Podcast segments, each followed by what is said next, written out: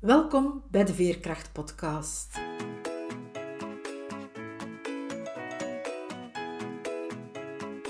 Ik ben Veerle Schaltien, levensverhalen en schrijfcoach. Met mijn bedrijf Wiebelwoorden trek ik voluit de kaart van veerkracht. Voor deze podcastreeks interview ik veerkrachtige vrouwen. Het zijn vrouwen zoals jij en ik, die soms wel eens het hoofd laten hangen maar die er vooral telkens opnieuw in slagen weer overeind te krabbelen. Die telkens opnieuw de moed hebben om door te gaan. Die ondanks alles ten volle in het leven staan en elke dag waardevol weten te maken. Hoe ze dat doen, vertellen ze je heel openhartig. Luister, snoep van hun woorden en laat je inspireren door hun verhalen. Want als zij het kunnen, kan jij het ook. Dag Caroline, welkom. Hallo, goedemiddag. Ik heb jou nog niet zo heel lang geleden leren kennen, maar wij delen wel een gemeenschappelijke passie en dat zijn essentiële oliën. En het is dan ook via die weg dat ik jou heb leren kennen. Jij inspireert mensen naar een low-tox leven en dat heb ik zelf ook al mogen ondervinden. Je helpt ook mensen om echt in hun, in hun kracht te staan. Ik vind dat je daar heel sterk in bent. Hè? Vroeger had je een andere job. Toen uh, was je inspecteur bij de politie. En toen ik je pas kende, ik vond dat zowel een heel rare combinatie, die twee. En voor mij lagen die ver uit, uit elkaar, terwijl dat allicht niet zo is. Maar ik vraag me dan af van, waarom ben je eigenlijk bij de politie begonnen? Ja, eigenlijk, ja, dat is geen rare opmerking dat dat ver uit elkaar ligt, want dat ligt ook heel ver uit elkaar. Dat is uh, een vaststaand feit. Nu, de reden waarom dat ik bij de politie begonnen was, is heel simpel. Ah, simpel, ik zeg dat het wel simpel is, maar zo simpel is het niet. Ik heb uh, niet zo een gemakkelijke jeugd achter de rug. En ik ben altijd iemand geweest, als je mij zou kennen, of de mensen die mij kennen, weten dat ik, ik heb een hele sterke eigen wil en, en dergelijke. En uh, ik heb bepaalde traumatische dingen meegemaakt in mijn vroege jeugd, waaronder een verkrachting en dergelijke. En de reden waarom dat ik dus bij de politie wil gaan, is gewoon om andere mensen te helpen, om andere mensen een stem te geven. Ook vanuit de ervaring die ik zelf had. Want ik ben nooit iemand geweest die in een slachtofferrol is gaan staan. Ik ben nooit iemand geweest die zielig gevonden wou worden. Ik heb het er wel heel lang moeilijk mee gehad met het feit dat het gebeurd is, natuurlijk. Want het is niet dat je van vandaag of morgen zegt, ah, dit gebeurt en morgen ga ik mensen inspireren. Nee, daar is natuurlijk een heel grote fase over gegaan van ja, het, wat er gebeurd is en, en dat een plaats geven. En dan pas gaan kijken van, oké, wat kan ik hiermee doen? Dus het is niet dat je zegt van, ik heb één traumatische ervaring gehad en drie weken later denk ik, ah, ik kan misschien wel eens bij de politie gaan. Zo is het dus niet gebeurd. Maar ik heb, ik heb een hele lange tijd heel veel afgezien en ik heb mij ook heel veel schuldig gevoeld, omdat ik, ja, ik ben iemand die niet op haar mond gevallen is. En ik heb heel lang de idee gehad dat ik die, die verkrachting eigenlijk, dat ik dat zelf uitgelokt had, omdat ik open van persoonlijk ben. Ik ben iemand die graag grapjes maakt. Ja, ook, uh, ja ik ben ook een, een, plaaggeest. Dus ja, ik dacht dat het misschien wel eens iets was wat ik zelf getriggerd had. En ja, het bewustwordingsproces daar rond heeft mij eigenlijk ook stapje voor stapje richting het, het politie zijn en het helpen van andere mensen gebracht. Dus het is niet zo dat dat over één nacht gegaan is van ik heb iets voorgehad en ik ga nu de reddende engel spelen of whatever. Zo is het dus helemaal niet gegaan. Het is een heel het is een langer proces geweest. Ik kan het nu wel met een glimlach vertellen. Maar toen was het niet, ja, niet de meest funny story om, om te vertellen. Ik heb er ook uh, ja, uh, eh, 26 jaar, denk ik, dat ik het uitgeteld heb. Want het is gebeurd net voordat ik 16 was. En ik ben er ondertussen 41. Dus ja, je kunt zelf beter uitrekenen hoeveel jaar dat ik gezwegen heb. Want ik heb wat ik voorgehad heb ook nooit aangegeven bij de politie. Dus uh, ja, en ja, dat zou ik nu wel aanraden aan mensen om dat wel te doen, uiteraard. Maar ja, goed, uh, gedane zaken nemen geen keer. En vandaag de dag ga ik het niet meer gaan aangeven, omdat ik het ook allemaal een plaats gegeven heb en, en dergelijke. Allee, je zei van, ik heb lang gedacht van, dat ik dat zelf getriggerd heb, dat ik zelf daar een beetje schuldig aan was. Is dat niet iets dat in onze maatschappij wel heel veel voorkomt, dat men een slachtoffer, zeker een slachtoffer van misbruik, zo probeert in de schoenen van de schuldigen te schuiven?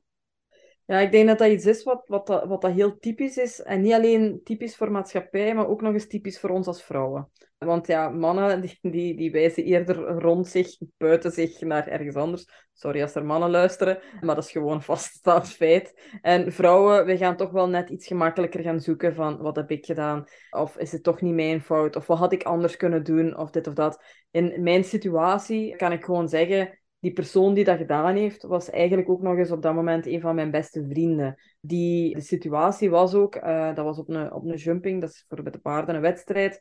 Een van de paarden was gekwetst en die persoon ging mij begeleiden naar de stal, omdat hij op die manier ervoor ging zorgen dat er mij niks zou overkomen. Dus heb ik heel lang met het idee gezeten, ja, misschien heb ik wel hints gegeven, waardoor dat, dat dat hij dacht dat het oké was. Hoewel, ik heb tijdens en net ervoor en dergelijke dikwijls genoeg nee, nee, nee, stop en dergelijke gezegd gehad.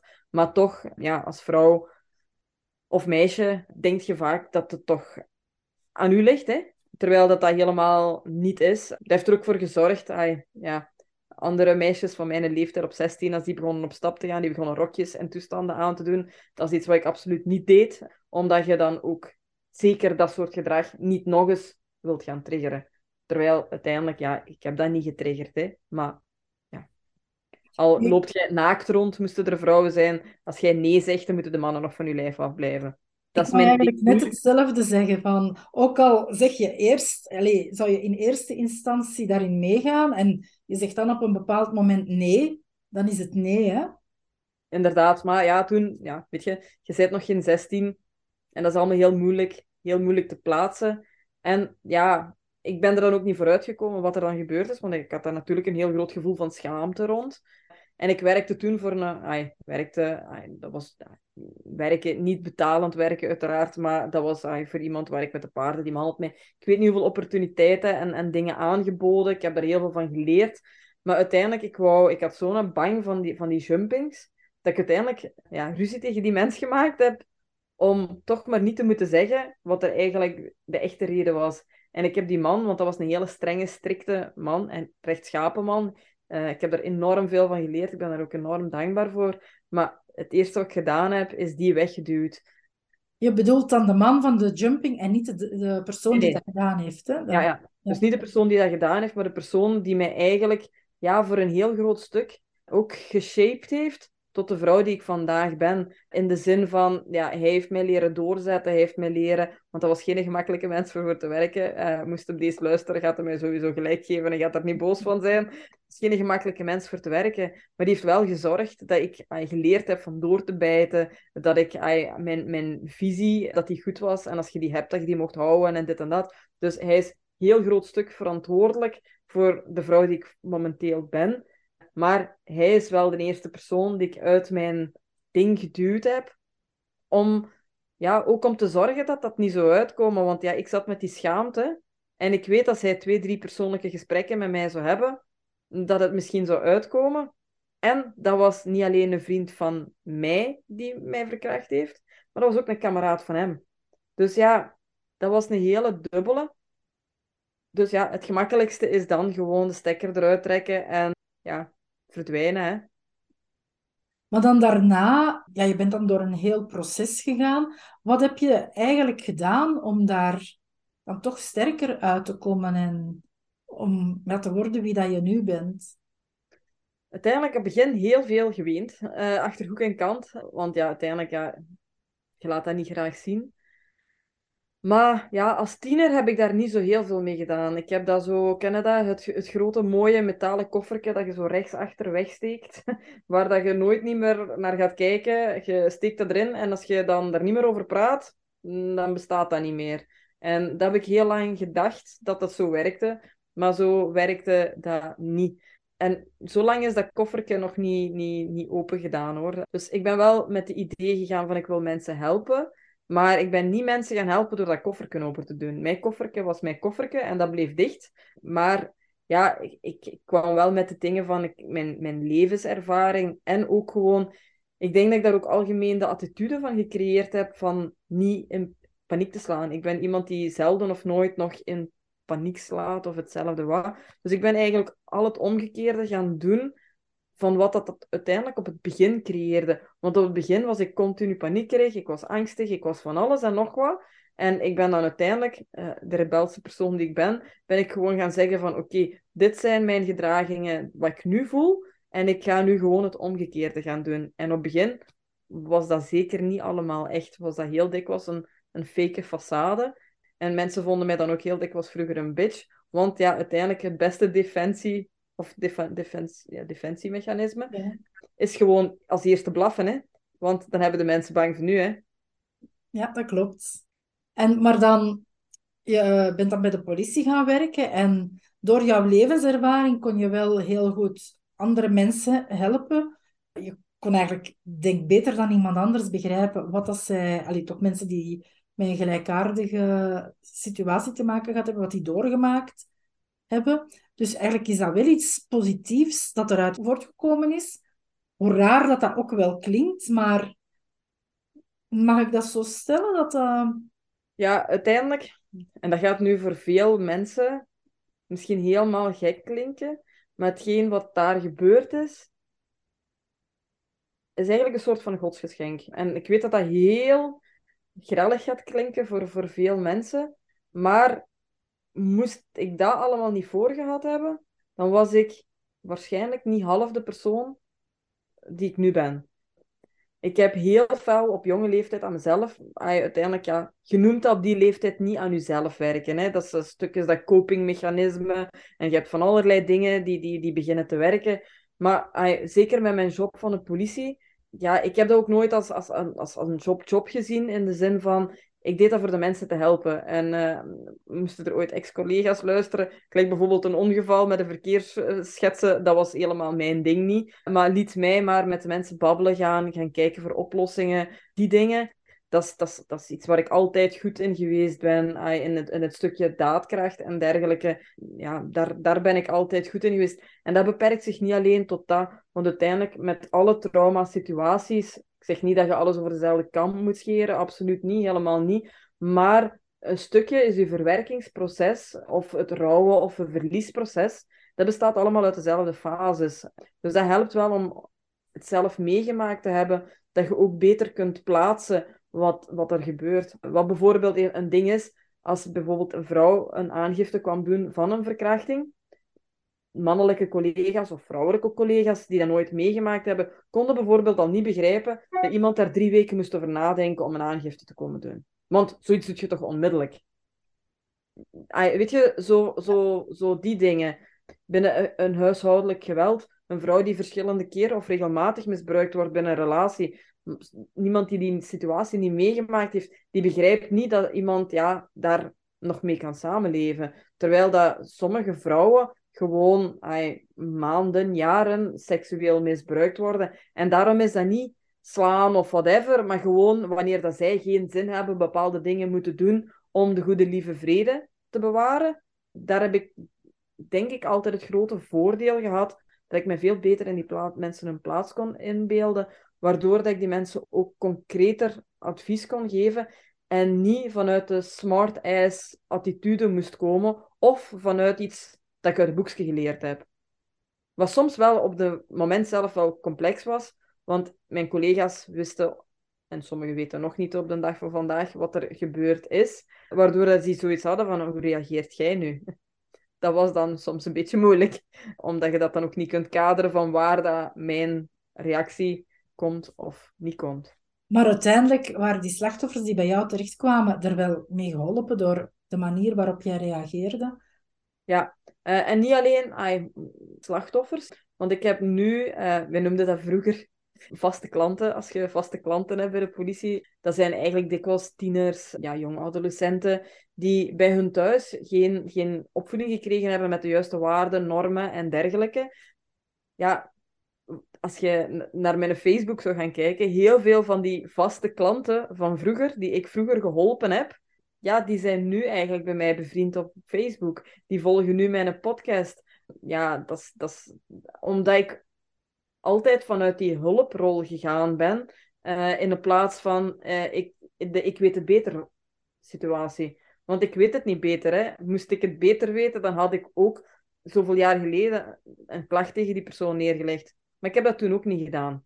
Ja, ik zou dat nu kunnen gaan doen, maar ik zie daar het nut niet meer van in. Om dat op dit moment te doen, want ik weet dat die, ai, dat die persoon die gaat dat nooit meer gedaan hebben. Daar ben ik 300% zeker van. Dus, uh... goed dat, dat je daar zeker kan van zijn, dat je dat weet. En ja, moest dat niet zo zijn, dan was dat ook iets dat jij, dat jij niet in de hand hebt. Hè? Maar wat ik heel duidelijk zie, is van... Jij hebt een, een heel penibele situatie meegemaakt, maar hebt, hebt dat eigenlijk als een, als een kracht ingezet. Door, ook denk ik door er op een andere manier naar te kijken, door te kijken van... Dit heb ik meegemaakt, maar wat is daarvan goeds uit voortgekomen? En je noemde het ook zelf een godsgeschenk. Je hebt het dan kunnen inzetten om andere mensen te helpen. En als mensen bij mij komen om hun levensverhaal te schrijven, is dat iets dat ik ook altijd meegeef van kijk op een andere manier naar de dingen. Je hebt wel je gevoelens over hoe dat gebeurd is en je, je eigen herinneringen, maar blijf niet in dat slachtoffer hangen. En dat is iets wat jij ook duidelijk zegt. Hè? Ja, dat is iets waar ik met mijn... Want ik doe ook, naast het essentiële olieverhaal, doe ik ook heel veel mensen in het olieverhaal. Maar ook daarnaast help ik ook veel mensen op het gebied van coaching. Nu heb ik daar heel veel certificaten van. Nee, maar ik denk uh, eh, 15 jaar bij de politie, uh, ik denk dat dat al een heel leuk certificaat is. Want daar leert je met alle soorten mensen omgaan. De good, de bad en, de ugly, uh, gelijk ze zeggen. Dus ik heb daar gigantisch veel geleerd. Maar het belangrijkste is, als je één ding leert in je leven, waar dat je zoveel mee gaat zijn, is gewoon beseffen dat jij degene bent die uw gedachten kiest. En uiteindelijk de omstandigheden, die hebben nooit in de hand. Weet je, je hebt altijd dingen die tegenslaan of whatever, maar heel dikwijls blijven wij in een bepaalde omstandigheid hangen. Wij hangen daar een gedachte aan en we gaan handelen naar die gedachte. Terwijl het uiteindelijk zouden we, ik zeg dat altijd in mijn coachings, eigenlijk zouden we een beetje moeten meer leven gelijk een hondje. Uh, weet je, als er een probleem is, ofwel uh, loop je er langs voorbij, ofwel doe je er pipi op en je loopt sowieso door. Uh, weet je, het maakt eigenlijk niet uit of die omstandigheid, die omstandigheid is dikwijls ook iets extern. Dat ligt helemaal niet aan u. Uh, maar dikwijls maken wij daar wel een, een ding van dat het, dat, dat, het, met ons te maken heeft. Terwijl dat helemaal niet zo is. Maar wat we wel in de hand hebben, is de gedachte die we, die we zelf bij het feit geven wat er gebeurt. Ook al is dat iets heel slecht dat gebeurt. Ik heb zelfs een bepaald moment, uh, en dat was een heel goede oefening die ik ooit eens bij mijn therapeut gedaan heb, gewoon gaan denken bij de gedachten van die persoon die, die dat mij dat aangedaan heeft. En dat heeft mij ook heel veel verhelderende dingen gegeven. Want uiteindelijk, en dat klinkt misschien ook cru, er is 9 van de 10 mensen staat s morgens niet op om iemand anders iets aan te doen. 9 van de 10 van mensen staan niet op om bijvoorbeeld in een tijd met een politie om te zeggen van goh, nu ga ik namiddag eens een accident veroorzaken. Uh, weet je, dat, dat zijn heel dikwijls andere dingen die daar ook aan, aan de basis liggen. En, en ja, dat is iets wat mij toch ook wel, uh, ook in mijn coachings heel belangrijk is. Mensen helpen om gewoon ook een andere gedachte te kiezen. Dat ja. is een hele voorname ik noem het dan vaak van mensen, allee, jij zegt een gedachte, maar ik, ik zeg vaak van mensen hangen, maken er een verhaal rond, rond hetgene dat gebeurt en je kunt altijd een ander verhaal vertellen. Ja, dat, ja datzelfde. Uh, ja, ja. En inderdaad, de meeste mensen staan wel met goede bedoelingen in het leven. Daar is ook zo een boek rond verschenen. De meeste mensen deugen. Ja. Ik weet nu niet van buiten wie, wie het geschreven heeft, maar het is eigenlijk wel eens een heel interessant boek om, om te lezen. Zo ga je op een andere manier naar mensen kijken. Ja. En dan de essentiële oliën, hoe zijn die dan in jouw leven gekomen? Dat is een heel apart verhaal. Ja, ik werkte bij de politie, zoals we aangehaald hebben. En uh, politie is, ja, empathie komt daar dikwijls niet zo echt heel fel mee kijken. Dus bij de politie leert je vooral ook, uh, ja, je hebt vaak maar een paar seconden voor een beslissing te nemen. Zeg nu niet als je, gelijk ik juist in de hulpverlenende rol hebt, dat is een ander verhaal als wat ik nu zeg. Maar in al het andere heb je meestal zwart of je hebt wit. En daartussenin bestaat bij de politie heel vaak niks. En als je in een grijze zone blijft bij een gevaarsituatie of whatever, dan wordt het alleen maar gevaarlijker. Dus het spirituele en het dingen denken, dat was helemaal niks voor, uh, voor Caroline. Ik geloofde daar ook niet in, ik moest er niks van weten. Maar ik had tijdens mijn loopbaan bij de politie, ik ben ook een jaar naar Amerika geweest, En ja, paarden zit er bij mij in van, ja, ik denk van voordat ik geboren ben, heb ik een connectie met, met paarden. Ik heb een jaar op de range gewerkt in Amerika. En ja, ik heb dan een paard meegebracht vanuit Amerika. En x aantal maanden nadat we hier in België waren, werd dat paard ziek. En het reguliere kon me niet helpen. Dan ben ik met shiatsu-therapie begonnen mijn topmadam. Uh, die is die komen behandelen en doen. En dat ging gigantisch goed vooruit. Dus ja, toch een beetje alternatief gaan kijken. Opleiding gaan volgen. Maar de shiatsu was voor mij nog niet genoeg. Want ja, voor Caroline is het niet altijd rap goed. Dus shiatsu-therapie gaan volgen. Sportmassage, dry needling en op een bepaald moment werd ik uitgenodigd op een essentieel olie-evenement. En ik heb daar drie keer mijn kat gestuurd. En de vierde keer dacht ik van, weet je, what the fuck, ik kan gewoon beter gaan. Dan stoppen die mensen me zagen. Want ik kon mij echt niet inbeelden dat een druppel olie een paard van 600 kilo ging kunnen helpen. Want de insteek was ook een, een training over dieren, uiteraard. Maar ja, goed, die mensen bleven maar aansturen op, aan, op, mij aanmelden op zo'n evenement. Ik dacht, kom, uh, weet je, ik heb nu niks te doen. Ik ga gewoon gaan. Dan kan ik zeggen dat het mij niet boeit. En dan ben ik ermee klaar. Dus dat was mijn insteek.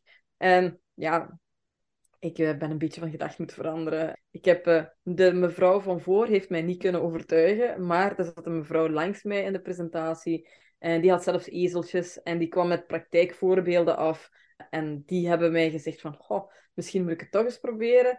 Maar ja, ik kwam toen met de klassieker. Ik vind het duur in confrontatie. En die mevrouw heeft me gewoon staaltjes meegegeven. En uh, ja, ik ben die gaan testen, omdat ik een paar weken later in een situatie kwam die levensbedreigend was voor een van de paarden. Ik uh, ben die olietjes gaan gebruiken en dat werkte. En ja, mijn idee van het is duur, die, dat was op slag, op ene seconde was die idee weg. Want wat dat die olietjes gedaan hebben op dat moment was onbetaalbaar. En dan ben ik me gaan verdiepen erin. En ja, ik wou absoluut, want als politieagent mocht je geen handel drijven. Dus ik ben dus ook niet het zakelijke stuk met de olie gaan doen aanvankelijk. Maar ik wou wel die starterbundel die ik dan uiteindelijk gekocht heb, gaan testen. En gelukkig hadden mijn paarden niet alles voor. Dus ik ben staaltjes gaan uitdelen. En op die manier zijn er mensen bij mij terechtgekomen. En ondertussen, ja, doe ik eigenlijk helemaal niks anders meer als uh, de hele dag me, mezelf en mensen beolien of coachen rond mindset. Dus het was oorspronkelijk voor je paard, maar ben je het dan vrij snel ook voor jezelf gaan gebruiken? Ja, zo snel was dat niet zo dat voor mezelf. Want ik had nog altijd zo'n klein beperkende gedachte over het spirituele. Zo. Daar was ik nog niet helemaal mee mee. Um, maar ja, ja, het is vrij snel gekomen, ik zal het zo zeggen. Ik had toen ook wat problemen op een bepaald niveau, dat ik niet meer weet waar dat, dat probleem is zat. Maar ik ben toen ook een olie gaan inzetten om het emotioneel vlak. En ik had zoiets van, hm, fuck, deze werkt. Dus ja, ja x aantal maanden nadat ik gestart ben, uh, ja, gebruik, doe ik het nog altijd. En ik doe nog altijd paarden behandelen ook. En ja, dat is, ja, ik doe dat niet meer zo fulltime gelijk vroeger. Ik heb zo nog vaste klanten en, speciale gevalletjes. Maar ik ben nog altijd... het is mind-blowing om te zien hoe dat die paarden intuïtief gaan reageren.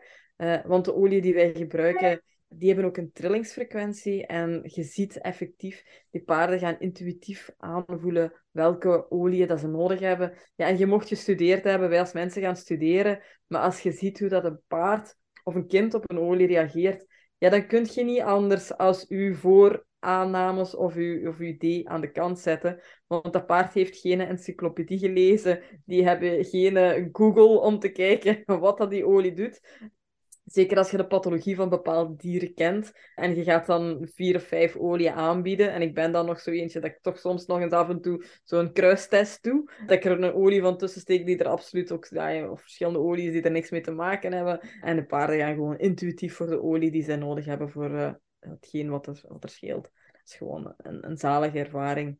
En is ook niet zo gek, want als je gaat kijken naar paarden voordat die gedomesticeerd waren, gingen die ook gewoon in de vrije natuur kruiden, knollen, bollen, takken en, en blaren gaan eten om hunzelf in de optimale gezondheid te houden. En dit is wat ik ook met de olie ervaar.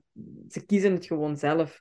Uh, alleen zijn wij ja, door de jaren heen ons voelen soms een beetje verloren geraakt. Hè. Ja, want eigenlijk zouden wij dat ook kunnen. Hè? Als onze intuïtie echt nog heel goed werkt, zouden wij ook intuïtief, de, ik doe dat soms ook, intuïtief een olie gebruiken en, en dan werkt dat wel. Maar we hebben ook ja, alle kennis erbij En die wij toch nog altijd belangrijk vinden. Hè? Ja, we, hebben, we hebben één voordeel, wat ook ons nadeel is, en dat zijn onze hersenen. Hè. wij denken, uh, ik zeg ook heel dikwijls, als zit een hond en, en, en een mens op een bankje. Die een hond die zit te genieten op het bankje en die ziet alleen wat hem voor hem ziet. En wij mensen zijn aan het denken aan onze rekeningen die thuis liggen te wachten, aan bepaalde dingen die we moeten gaan doen en dit en dat. Voor ons mensen kost het moeite om ons te connecteren in het hier en het nu, terwijl een dier is gewoon hier en nu en that's it, hè. Ai, dat is mooi. Ai. Jazeker. Daar kunnen wij veel van leren, hè. Ja, dus ja, ik ben een dierenmadam, hè. Ja. En ja, verder hebben wij ook wel tools waar we het dan zo niet uit onszelf kunnen, zijn er toch wel gelukkig tools die ons helpen om ons te connecteren met, met onszelf, waaronder de olia bijvoorbeeld. Nu, in heel dat proces, ja, na jouw verkrachting, dus in, in het begin was zo'n beetje van, ik ga hier um, mij sterk houden en het eigenlijk wegstoppen. En dan ben je eigenlijk helemaal het omgekeerde gaan doen dan dat je eerst deed. En dan zijn ook die oliën op je pad gekomen. En je hebt mij verteld dat de oliën daar ook bij ondersteund hebben. Ja, zeker ook. Want natuurlijk, je hebt het hele proces ervoor. Maar de olie is echt mijn, mijn, mijn ding ook. Een van de oliën die ik heel veel gebroken, gebruikte op het begin. Die konden we hier toen nog niet krijgen, want ja, je kunt bepaalde oliën alleen maar in Amerika krijgen en dergelijke. Maar ik had dan toch mijn, mijn handen vastgekregen aan de olie Hope. Ondertussen is die hier wel te krijgen en nu in België noemt die Light of Hope. In Amerika noemt hij gewoon Hope. En ja, dat is, dat is fantastisch om te ervaren wat dat eigenlijk ook doet. En een van de meest intrigerende dingen voor mezelf, wat, wat echt die transformatie in gang heeft gezet. We hebben een, een, een protocol, dat is een feelingsprotocol, dat is 30 dagen dat je met jezelf moet doen. En ik was toen nog bij de politie, dus ik had het helemaal niet begrepen met affirmaties. Ik vond dat maar bullshit, ik vond dat maar zever. Dus ik dacht, weet je, als die oliën toch doen wat ze moeten doen, en ik smeer die en ik zeg niks, dan moeten dat ook doen. Want anders, dan werkt dat niet. Dus ik ben aan de slag gegaan met mijn eerste feelings uh, sessie of feelings kit van 30 dagen. Met effectief die oliën aan te brengen uh, zonder affirmaties. Want ik geloofde er niet in. En ja, why? Uh, ja, ik doe nu twee, drie, vier keer per jaar doe ik effectief een training rond die feelings kit. Omdat dat zoveel dingen in beweging gezet heeft bij mezelf. En ik krijg dan heel vaak de vraag van mensen, maar moet je erin geloven? Ja, affirmaties, als je die niet gelooft, dan kun je ze beter achterwege laten. Uh, daar ben ik sowieso van, nog altijd van overtuigd. Als jij zelf niet wilt geloven in iets, ja, dan uh, geloof ik in het principe zien, doen, krijgen. Als je het niet ziet, dan gaat je niet doen wat nodig is, dan gaat je ook niet krijgen wat je wilt bekomen. Dus affirmaties, daar moet je, ja, moet je voor openstaan, moet je voor klaar zijn. Maar de olie, ook al geloof je er geen vierkante millimeter van, we hebben onze wetenschap. Onze oliën zijn samengesteld op een trillingsfrequentie. En die worden opgenomen via ons limbisch uh, gedeelte van onze hersenen. Dus of je dat nu wilt of dat je dat niet wilt, dat gaat ze werk doen. Ook al heb je geen geur en ruikt jij de geurfacetten van die olie niet, toch gaan die moleculen hetgeen doen waarvoor dat ze gewerkt zijn. Om mensen die misschien nog niet met de olie mee zijn, als jij bij wijze morgen, van spreken morgen een aspirine pakt tegen de hoofdpijn, en je gelooft er niet in, dat, dat pilletje gaat er niet van wakker liggen of je daar nu van gelooft of niet. Dat pilletje is ervoor gemaakt om dat te doen. En dat gaat dat ook doen. En de oliën die zijn net hetzelfde. Die zijn gemaakt om te doen wat ze moeten doen. En die gaan dat ook doen. Of dat jij dat nu gelooft of dat je dat niet gelooft. Natuurlijk, als het over een emotie gaat en je gaat hard in de weerstand, dan kun je natuurlijk wel overtuigen tot een bepaald niveau dat het niet werkt. Dat kunnen altijd. Dat is iets wat ons, daar juist zeg, hè. wij hebben hersenen, die zitten ook, ook ons dikwijls... Dikwijls zitten ze ons meer in de weg als dat ze goed doen. Maar bon, op persoonlijke ontwikkeling toch. Ik zal het dan zeggen, want uiteindelijk ja, het is wel goed dat we hersenen hebben. Want anders zouden we dit ook niet kunnen doen. Maar heel dikwijls uh, ja, zijn wij de enige factor die onszelf in de weg zit. Dat is gewoonweg uh, een vaststaand feit. Maar die olie op zich, ja, die limbische, limbisch gedeelte van je hersenen, ja, dat is ook gewoon zo. En ik wil er gelijk ook ah, voor uw luisteraars ook een, een oefening aan koppelen. Als jij, bij wijze van spreken, even je ogen dicht doet en je gaat met mij mee in het verhaal en we gaan samen, je zit bij je thuis en je zit in de keuken en we gaan samen naar de frigo en je hebt daar een lekkere uh, citroen in zitten En ik vraag u om u in te beelden om die citroen met uw twee handen vast te pakken en om die citroen uh, in twee te snijden daarna. En om dan een dikke vette bijt te doen in die citroen. Dan ben ik er zeker van dat 80% van de luisteraars ondertussen gewaar wordt dat er ergens een, zure dingen in hun mond is. Dus we kunnen met ons hoofd heel veel dingen doen en we kunnen ons eigen ook saboteren. En daar zijn we allemaal redelijk goed in. Want ay, ik ben ook iemand, ik ben spiritueel, maar ik heb ook graag nog een stukje wetenschap. Gemiddeld heeft een mens 60.000 gedachten per dag. Dat zijn er dus heel veel. Waarvan 80% onbewust of negatief of repetitief is. Dus uiteindelijk, als je daar niet van bewust bent, dan kun je eigenlijk het wel redelijk moeilijk maken. Ik vind het mooi dat je de Feelingskit aanhaalt, want dat is mijn favoriete oliekit. Dat zijn natuurlijk allemaal oliën van een goede kwaliteit, want we hebben het over essentiële oliën. Maar in de, de handel heb je verschillende soorten essentiële oliën en die hebben niet allemaal diezelfde hoge trilling. Ten eerste omdat ze niet allemaal zuiver zijn, maar ook omdat ze niet allemaal op dezelfde manier gemaakt worden. En wij werken allebei met de oliën van Young Living, omdat we daar echt van weten dat die zo zuiver zijn, dat die ook in elke fase van het proces gecontroleerd worden en aan heel hoge eisen die Young Living zichzelf oplegt voldoen en ook nog eens getest worden door anderen. Hè.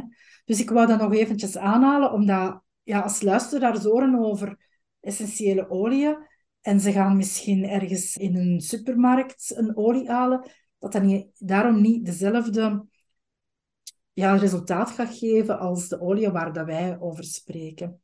En daar kan ik als ex-politieagent ook alweer net, want ik ben dan ook iemand, ja, ze noemen allemaal puur. maar we hebben onze Europese wetgeving. En wat zegt onze wetgeving? Jij mocht het labeltje puur op een essentiële olie hangen van het moment dat er meer dan 6% in zit. Dus hoe kun je nu controleren of dat iets puur is of niet? Ik raad u aan, als je olie staan hebt, van gelijk welk merk, ga eens kijken wat dat er op hun roosolie staat of op hun jasmijnolie. En heel vaak, goedkope merken, die gaan daar ineens... Alle andere, merk, alle andere oliën zijn puur, maar op de roos zetten ze ineens 5 of 3 procent. En dan ga ik gewoon vragen aan uw logisch verstand. Denk je nu echt dat er een firma is die alles 100% puur gaat doen, maar dan toevallig de twee duurste oliën, waar dat er wetgevingsmatig een regeltje is dat zegt dat je het onder de 6% moet vermelden, die daar in ene keer gaan zeggen, oh, hier zit maar 3% in. Ik garandeer u, als jij echt puur bent, dan staat dat ook niet op uw dingen. Bijvoorbeeld, er zijn ook bepaalde oliën op merken op dit moment die hun flesjes nog altijd als een essentiële olie eruit ziet, maar wat staat er op het labeltje? Parfumolie. Dus die zijn eigenlijk helemaal niet meer essentiële olie. En er zijn best wel wat behoorlijke merken die daar ondertussen mee bezig zijn, omdat de wetgeving rond het essentiële olieverhaal verstrengt. En dat is ook maar goed ook. Bij Young Living hebben we bijvoorbeeld ook, je hebt gekleurde flesjes, je hebt witte flesjes. Beide flesjes bevatten dezelfde inhoud. Alleen zijn de witte labels die zijn goedgekeurd voor consumptie. Uh, en waarom zijn dat twee verschillende labels? Onthoud dat heel goed. Dat is heel belangrijk, omdat alle essentiële oliën die zitten in de cosmetica-wetgeving. Dus die mocht jij niet intern gebruiken. En Young Living is degene die uh, de beste leerling van de klas. Dus ze hebben een andere lijn met een pluslijn en die zijn door de Europese Commissie goedgekeurd als voedingssupplement. En je kunt alleen maar als voedingssupplement goedkeuren als het 100% puur is. En dat is natuurlijk een extra. Want, zoals ik al gezegd heb, ik werk met dieren. En als je gaat kijken naar de archieven, er worden meer en meer oproepen gedaan naar mensen met brandwonden en dergelijke. Het antigifcentrum. Er zijn meer en meer klachten rond essentiële oliën. Zelf heb ik mijn bedrijf nu uh, zeven jaar. En ik heb contact met, ah, ik heb een database en ik heb een community met al mijn gebruikers. Daar heeft nog nooit iemand van mijn gebruikers mij iets van een brandwonde of iets dergelijks laten weten. Maar je ziet die marges wel omhoog gaan bij de reguliere. Wat wil dat zeggen? Ik moet u niet zeggen, als iemand maar 3% product doet in een product dat ze gebruiken, ze gaan er geen 97% extra toevoegingen in doen om het beter te maken, als ze het ook gewoon puur kunnen doen. En wat voegen ze toe? Solventen, aanleidingen uh, en dingen die brandbaar kunnen zijn. Ja, en dat is gevaarlijk. Ik vind het ook sowieso een essentieel olie. Het zegt het al, het is essentieel, het is puur, het is superkrachtig.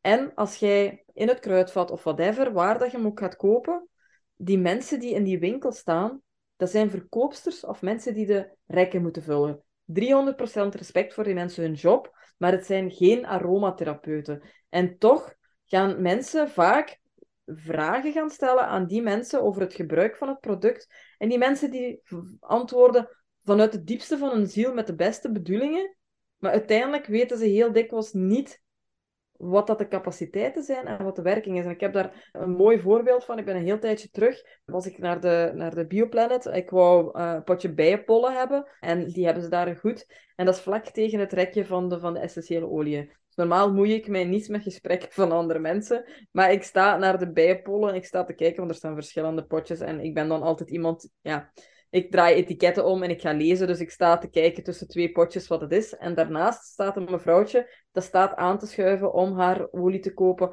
Want met het coronaverhaal had de dochter uh, was stress. Het klein kindje was acht jaar, had ik, had ik verstaan van de conversatie. Uh, en had stress met dat mondmaskertje en regeltjes. En gelijk het toen was, het was een stressvolle periode. Dus zij vroeg aan de, aan de mevrouw welke olie ze eigenlijk mocht gebruiken om haar kind s'avonds te ondersteunen tijdens het slapen gaan. En uh, wat gebeurt er? Die mevrouwtje van de winkel die helpt heel vriendelijk. En die pakt twee postjes uit de dingen. En het eerste was lavendel angustifolia, lavand uh, lavandula angustifolia. En het tweede was lavandijn. Het lavandula angustifolia, uh, dat was duurder als de lavandijn. Om de simpele reden, dat zijn twee verschillende dingen. Gelijk dat wij een Granny Smith appel, appel hebben of een Jonagold. Dat zijn twee verschillende dingen. En het advies van de vrouw was, weet je wat, die lavandijn is goedkoper. Dat zal wel goed genoeg zijn voor het kindje. Nu, uiteindelijk, als hij dan aromatherapie gestudeerd heeft, lavandijn is een hybride vorm.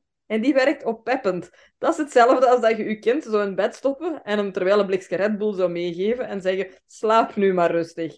Dus ja, dat is een van de weinige keren dat ik mij eens gaan moeien ben, omdat ik had zoiets van, ja, dit kan ik, dit kan ik niet negeren, want ja, dat kindje gaat er niet gelukkig van worden. En daarmee bedoel ik maar, weet je, vraag raad aan mensen die er iets van kennen. Dat kan zijn dat die mevrouw in de Bioplanet er iets van kent, maar vraag dan eerst, als je aan iemand raad vraagt, kent je iets van essentiële oliën? En stel dan uw vraag. Want heel veel mensen kennen niks van essentiële oliën. En ik heb zelf met het Young Living verhaal uh, een, een, klantenbestand van, van bijna 3000 mensen. Wij hebben kennis. Je kunt bij ons 24 of 24 uur vragen stellen als jij je productje koopt in het kruidvat, wat misschien goedkoper is, of whatever dat je het koopt, want ik wil het niet tegen het kruidvat of een bioplanet of whatever hebben. Na zes uur of als je thuis komt, er is niemand die je helpt met je product. En essentieel olie, je gaat dat misschien niet geloven als je dat niet kent, maar die is zo multi-inzetbaar dat het heel dikwijls erg is dat je iets staan hebt en je gebruikt het maar voor een tiende van zijn capaciteiten. En daarom vind ik, vind ik het heel leuk dat je de mensen ook info kunt geven. Want er is niks zo erg, al kost iets maar 2 euro, dat je 2 euro uitgeeft aan iets en het staat daar op het, op het schap niks te doen, omdat je niet weet wat je ermee moet gaan gebeuren. Gebruik, ah, wat je ermee moet doen. Dat vind ik verschrikkelijk. Al is dat maar een euro, dan is dat een euro weggegooid. En ik haat het om geld weg te gooien. Uh, dan geef ik liever iets meer uit, maar dat ik het wel ten volle kan benutten, in de plaats van ja, half werk. Dat was een heel stukje educatie rond essentiële olie. Maar ik denk dat dat wel interessant is. Um, omdat de mensen uit jouw verhaal ook wel horen, en de mensen die mij volgen hebben dat uit mijn verhaal ook al gehoord, dat die essentiële oliën ook je veerkracht ondersteunen en, en, en opkrikken. Onder andere, hè, naast hoe dat ze inwerken op het fysieke. En allee, ze werken op zoveel facetten. Hè. Dus is dat wel interessant om ook dit eens te horen. Nu, Jij hebt ook zelf een podcast en je begeleidt mensen met essentiële oliën. Jij, jij coacht mensen, heb je daar straks ook al verteld. Maar je hebt sinds kort ook een eigen podcast. Een, een heel fijne podcast, vind ik zelf, om naar te, te luisteren. De Holistic Rebel heet die. Ja. En wat ik ook heel mooi vind, is dat jij op het einde van elke aflevering ook een olietje voorstelt die dan te maken heeft met wat jij net verteld hebt.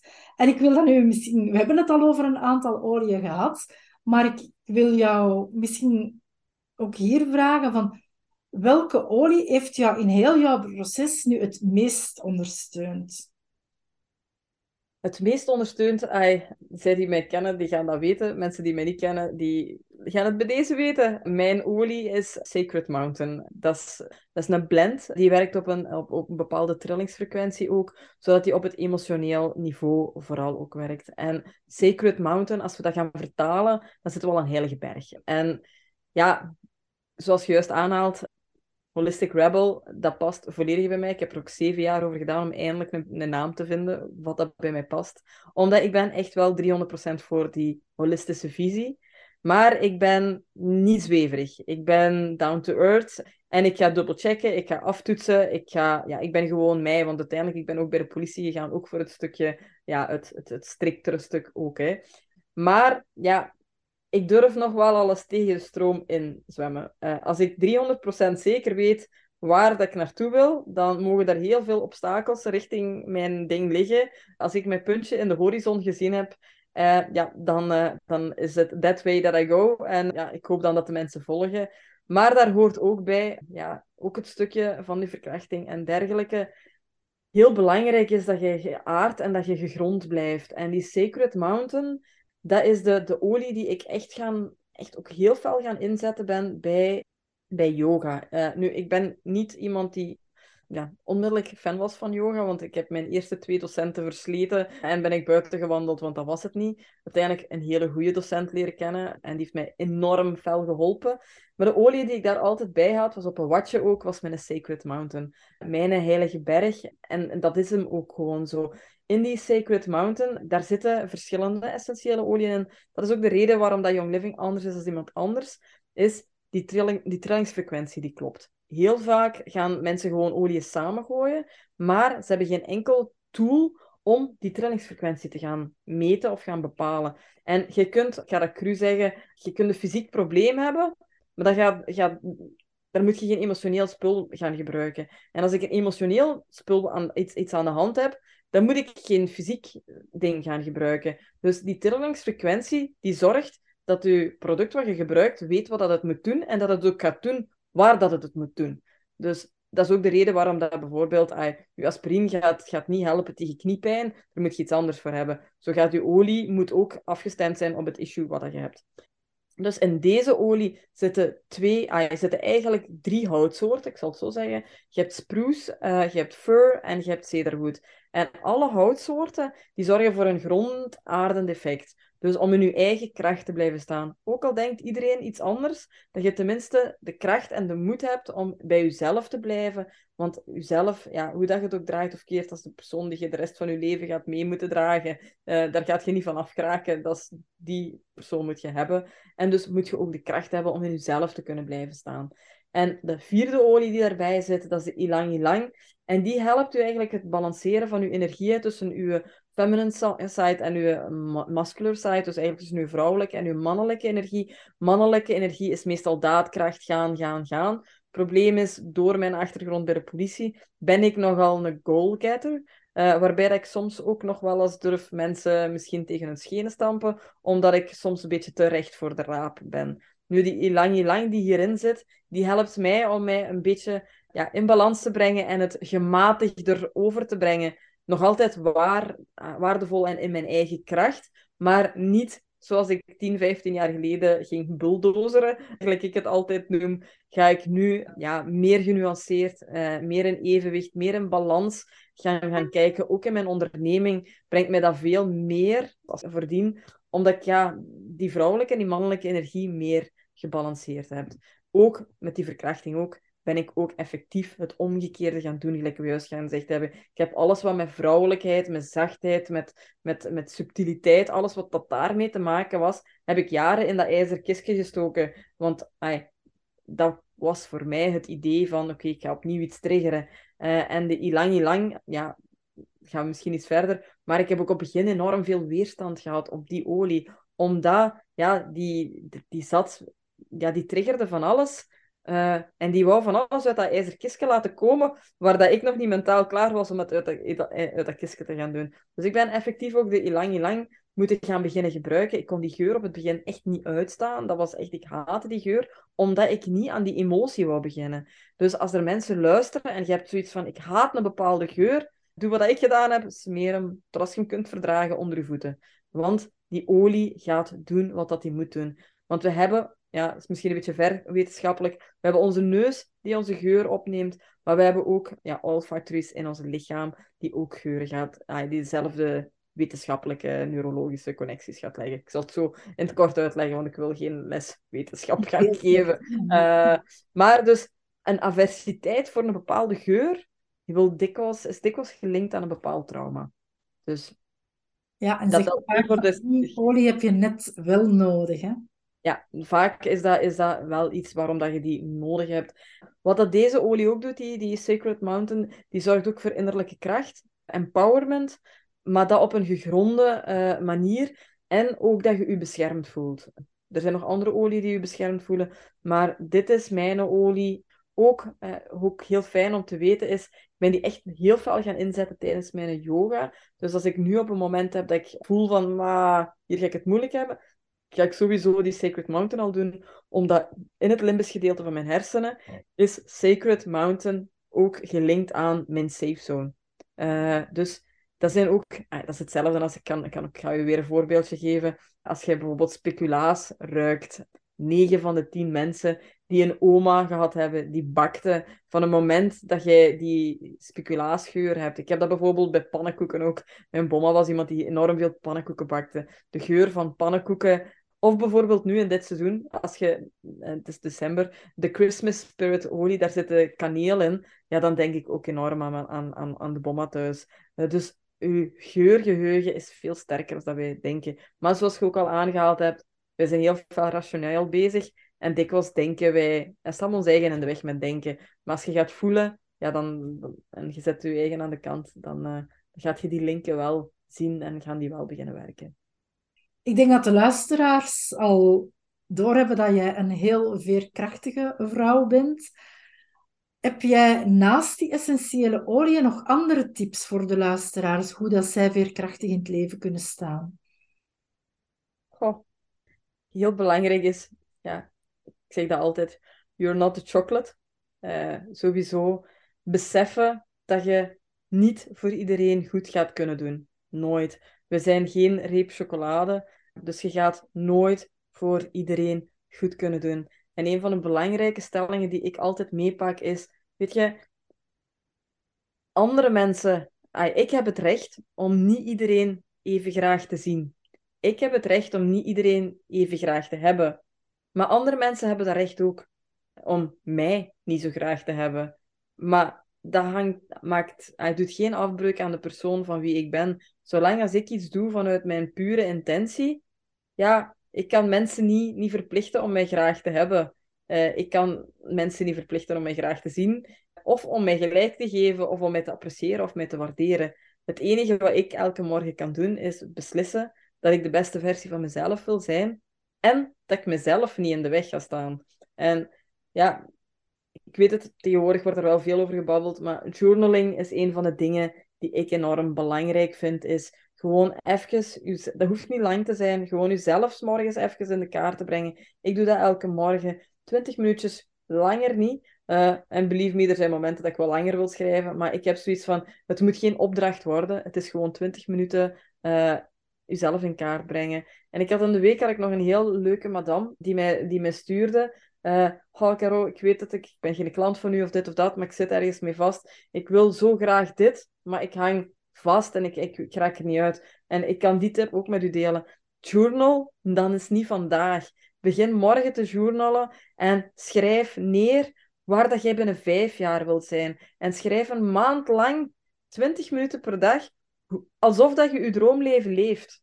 En daardoor gaat je neurologische connecties gaan creëren, dus dat is ook geen zweefteverige praat, gaat je bepaalde neurologische connecties beginnen creëren, waardoor dat je de mogelijkheid effectief gaat beginnen te zien dat de dingen die je droomt, de dingen die je wilt, dat die effectief werkelijkheid kunnen gaan worden. En je gaat meer leren kijken in opportuniteiten in plaats van in valkuilen. Dus dat is een tip die ik enorm wil geven aan de mensen. Als je op dit moment, en zeker deze tijd zijn veel mensen gedisconnecteerd met de maatschappij, met zichzelf en, en, en met hun doel. Ga gewoon eens even pakken papier, zet een timer, 10 minuten, schrijf alles op wat jij wilt bereiken binnen dit en vijf jaar. En dan, vanaf morgen, pak je een boekje, pak een apart boekje en begin gewoon te schrijven alsof dat je opstaat in je leven, waar dat al je dingen die jij wilt bereiken, dat die een done deal zijn. Stel bijvoorbeeld dat je een camperlife wilt doen, s staat je op en je stapt uit je camper. Waar staat je camper geparkeerd? Waar doet je? Waar zit je? Waar zit je aan de zee? Of whatever. Uh, wilt je een bepaalde bedrijfsdoelstelling of whatever. Whatever dat je wilt, het is uw feestje. Een maand lang, 20 minuutjes schrijven, alsof al uw dromen werkelijkheid zijn en er geen enkel beperkende gedachte nog is die u tegenhoudt om ja, te zijn wie dat je wilt zijn. Ja, dankjewel. Wat ik daar nog als tip wil aan toevoegen, is van plan dat ook echt in. Zorg dat je die, die moment daarvoor reserveert om dat te doen. Want ik hoor heel veel mensen, ik geef die tip ook soms aan mensen, en dan zeggen ze, ja, maar ik heb er geen tijd voor. Dat komt daar niet van. Maar als je dat echt ingepland hebt, je staat daar bijvoorbeeld 20 minuutjes vroeger voorop, of je zoekt een, een andere manier waarop je dat kan doen, dan, dan lukt het wel. Hè? Want niemand heeft tijd. Tijd is iets dat je maakt. Hè? Ja, en dat heeft gewoon te maken met grenzen stellen. Als jij je grenzen niet aangeeft, dan worden je grenzen voor u aangegeven. En ja, uiteindelijk, geloof mij, het is een chronisch ding. Niemand heeft tijd over. Niemand heeft tijd om dingen te doen. Je bent echt niet uniek als je luistert, als je zegt, maar ik heb echt geen tijd. Als ik tien mensen coach, zijn er elf die geen tijd hebben. Dus niemand heeft tijd. Ook ik heb geen tijd, maar je moet gewoon tijd maken. En, en als je mij zou volgen op sociale media, of hetzelfde wat, een van mijn life quotes is ook, als je geen tijd hebt voor jezelf vandaag, neem dan dubbel zoveel tijd. Want uiteindelijk, als je geen tijd pakt voor jezelf, dan gaat je lichaam of je systeem er wel voor zorgen dat je op een bepaald moment niet anders kunt als tijd maken. En meestal is dat in de vorm van ziekte of een ongeval of iets dergelijks. Want het universum is dikwijls sterker dan dat we zelf zijn. Dus als jij zegt nu, ja, ik heb er geen tijd voor, ja, ik ga het op zijn koude zeggen, dat is bullshit. Je moet tijd maken. Niemand heeft de tijd. Niemand. Iedereen heeft chronisch tekort aan tijd. Je vermeldde ook even je sociale media. In de begeleidende tekst bij deze podcast kunnen de luisteraars die ook terugvinden. En een link naar jouw podcast dan ook, zo, dat ze ja, nog meer kunnen geïnspireerd worden. Hè. Oh, ik wil jou nu alvast bedanken voor deze inspirerende en fijne babbel. Dank u, dat is graag gedaan. Ik doe dit ook graag, maar ik denk dat dat wel duidelijk is dat ik uh, dit, dit wel leuk vind. Uh... Dat is zeker heel duidelijk. Dank u wel, Caroline. Graag gedaan.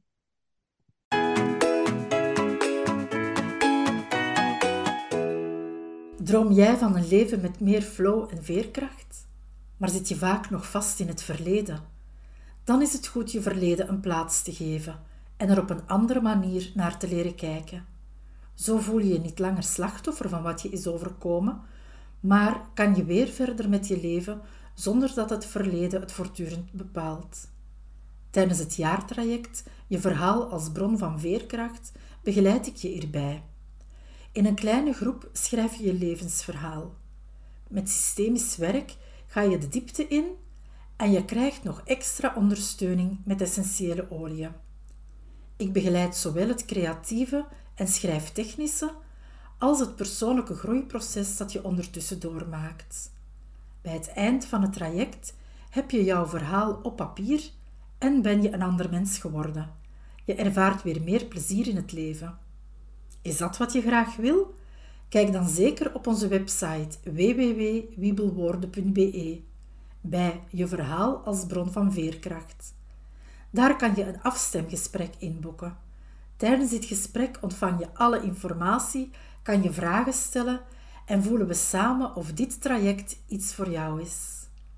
Je luisterde naar de Veerkracht-podcast. Hartelijk dank hiervoor. Hopelijk heb je even erg van dit veerkrachtige verhaal genoten als ik. Laat je er zeker door inspireren. Ben je benieuwd naar het volgende interview? Of wil je niks van deze podcastreeks missen? Surf dan naar www.wiebelwoorden.be of abonneer je nu meteen gratis op deze podcast via Spotify of een andere podcast-app. De montage van deze podcast was in handen van Johannes Veremans.